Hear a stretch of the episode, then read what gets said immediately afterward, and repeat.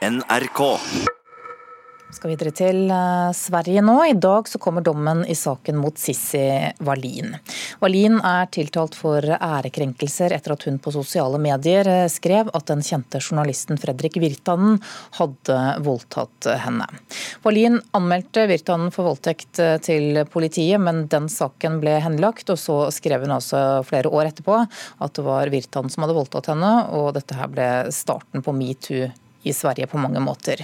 I høst så tiltalte altså den svenske påtalemyndigheten Wallin for grov ærekrenkelse. Og Knut Øyvind Hagen, du har fulgt denne saken i flere dager i Stockholms tingrett. Hva risikerer Wallin i dag dersom hun blir dømt? Hun risikerer en betinget fengselsdom og iallfall bøter. Virtanen krever dessuten 240 000 kroner i erstatning. Men enda viktigere enn hva en eventuell straffeutmåling blir, er jo om hun blir dømt. Vi snakker jo her om kvinnen som var Sveriges metoo-heltinne, som eh, ble hyllet for å våge å navngi og berette sin historie. Og Hvis hun da to år senere blir dømt i retten for det samme, så snakker man jo om en drastisk vending og et fall. Og Det er vel derfor nesten hele Sverige følger med på denne saken, fordi det er en sak med en veldig spennende dramaturgi. Mm. Og så er det også mange som følger henne på sosiale medier. Hva skriver hun der nå, bare noen timer før dommen blir offentliggjort? Hun fortsetter å fyre løs i flammende feministånd. Hun skriver at Uansett hvor mange kvinner som dømmes for å ha utlevert hans navn, så er voldtektsmenn fortsatt voldtektsmenn. Uansett hvor mange bøter eller vilkårlige dommer staten kaster på oss, så er ikke vi lovbrytere. Vi er overlevere dømt av staten. Så hun er en uredd kvinne, kan man si. Hva er det som gjør denne saken så, så spesiell? Den er spesiell på flere måter. Eh, du har for det første kjendisaspektet. Det er to veldig store medieprofiler som står mot hverandre, men den ene er tiltalt, og den andre er fornærmet. Så har du det prinsipielle. Du kan se på det som eh, en vekt med to vektskåler. I den ene har du ytringsfrihet, og den andre personvern. Hva veier tyngst? Eh, det er de viktige verdiene som står mot hverandre. Og så har du to ganske nye fenomener som gjør den banebrytende. Du har Instagram som ytringsrom, og så har du metoo. Innlegget til Wallin hadde jo metoo som emneknagg.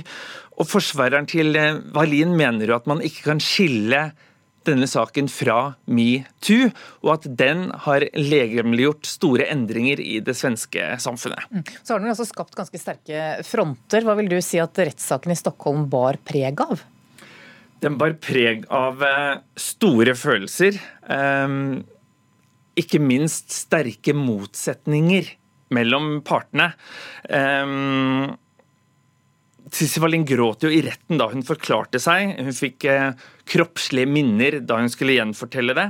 Og så avsluttet hun den siste rettsdagen med å si det er absurd å sitte her som tiltalt når jeg selv er et offer. Og så har du på den andre siden Monique Vadsted, hans eh, forsvarer, som sier at hvis hun blir frikjent, ja, da kan vi legge ned hele domstolen. Fordi det er domstolene som skal dømme. Man skal ikke dømmes på sosiale medier. Mm. Hva slags konsekvenser kan denne dommen få etter hvert? Jeg regner med kanskje at den blir anket eh, uansett hva som blir utfallet i dag, men når den blir rettskraftig? Den kan få påvirkning uansett hvilken side som vinner her. Sisse Wallin sier jo at hvis hun blir dømt, så kan dette føre til en ny stillhetskultur. Da vil ikke andre kvinner våge å gjøre det hun har gjort.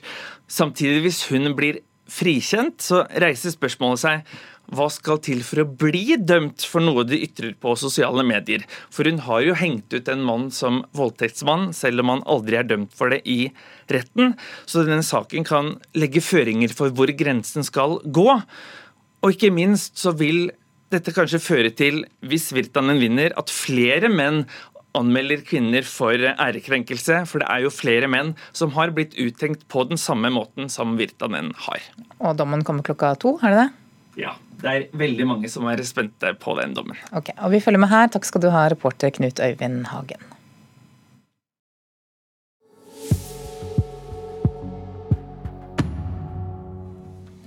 Nå skal det handle om noe helt eh, annet. Vi kan sette stemningen slik.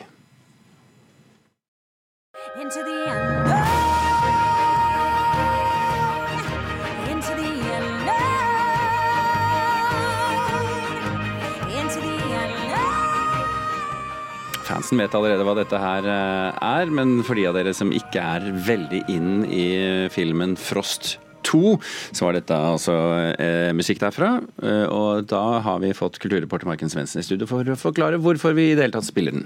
Jo, denne filmen, Frost 2, den har spilt inn nesten 920 millioner dollar verden over.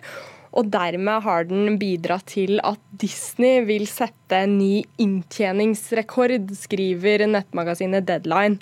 Disney, ifølge nettstedet da, så vil Disney i løpet av de neste dagene ha tjent mer enn 10 milliarder dollar på sine filmer i løpet av 2019. Og de tar tronen fra De tar tronen fra seg selv. De, tjente i, de satte rekord på 7,6 milliarder i 2016. Men eh, Frost 2, da, er det også, har den også blitt en rekord? Det er jo mange som er spent på det? Eh, det ser ut eh, til, eh, til, at den i hvert fall når en milepæl. Den har nærmer seg 1 milliard dollar i inntjening.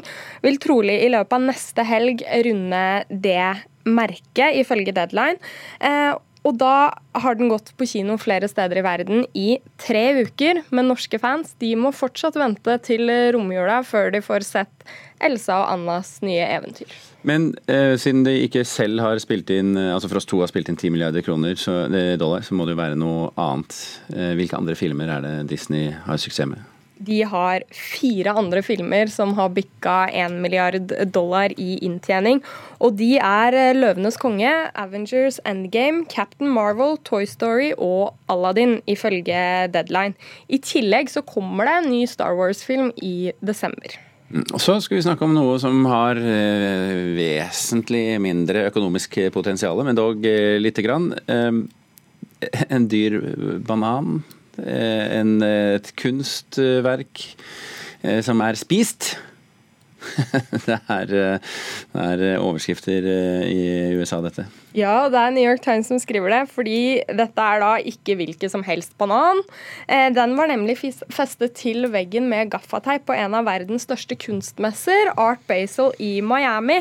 Og dette kunstverket har da skapt hodebry for gjestene, ifølge New York Times, hele uken som messen har, eh, har eh, pågått. Og kan du gjette hvor mye dette kunstverket, en banan, gaffateipet til veggen, har kostet? Jeg ville antageligvis bommet stygt om jeg gjettet hva en banan kostet på Rema, så jeg tror jeg trekker meg. Kjøperne av, kunst, av, disse kunstverkene de betalte mellom 120 000 og 150 000 dollar for verkene, ifølge The New York Times. Men på den nest siste dagen av messen så tok kunstneren David Datuna ned en banan som hang på veggen, og spiste den. Han har lagt ut seansen på Instagram under tittelen 'Sulten kunstner'.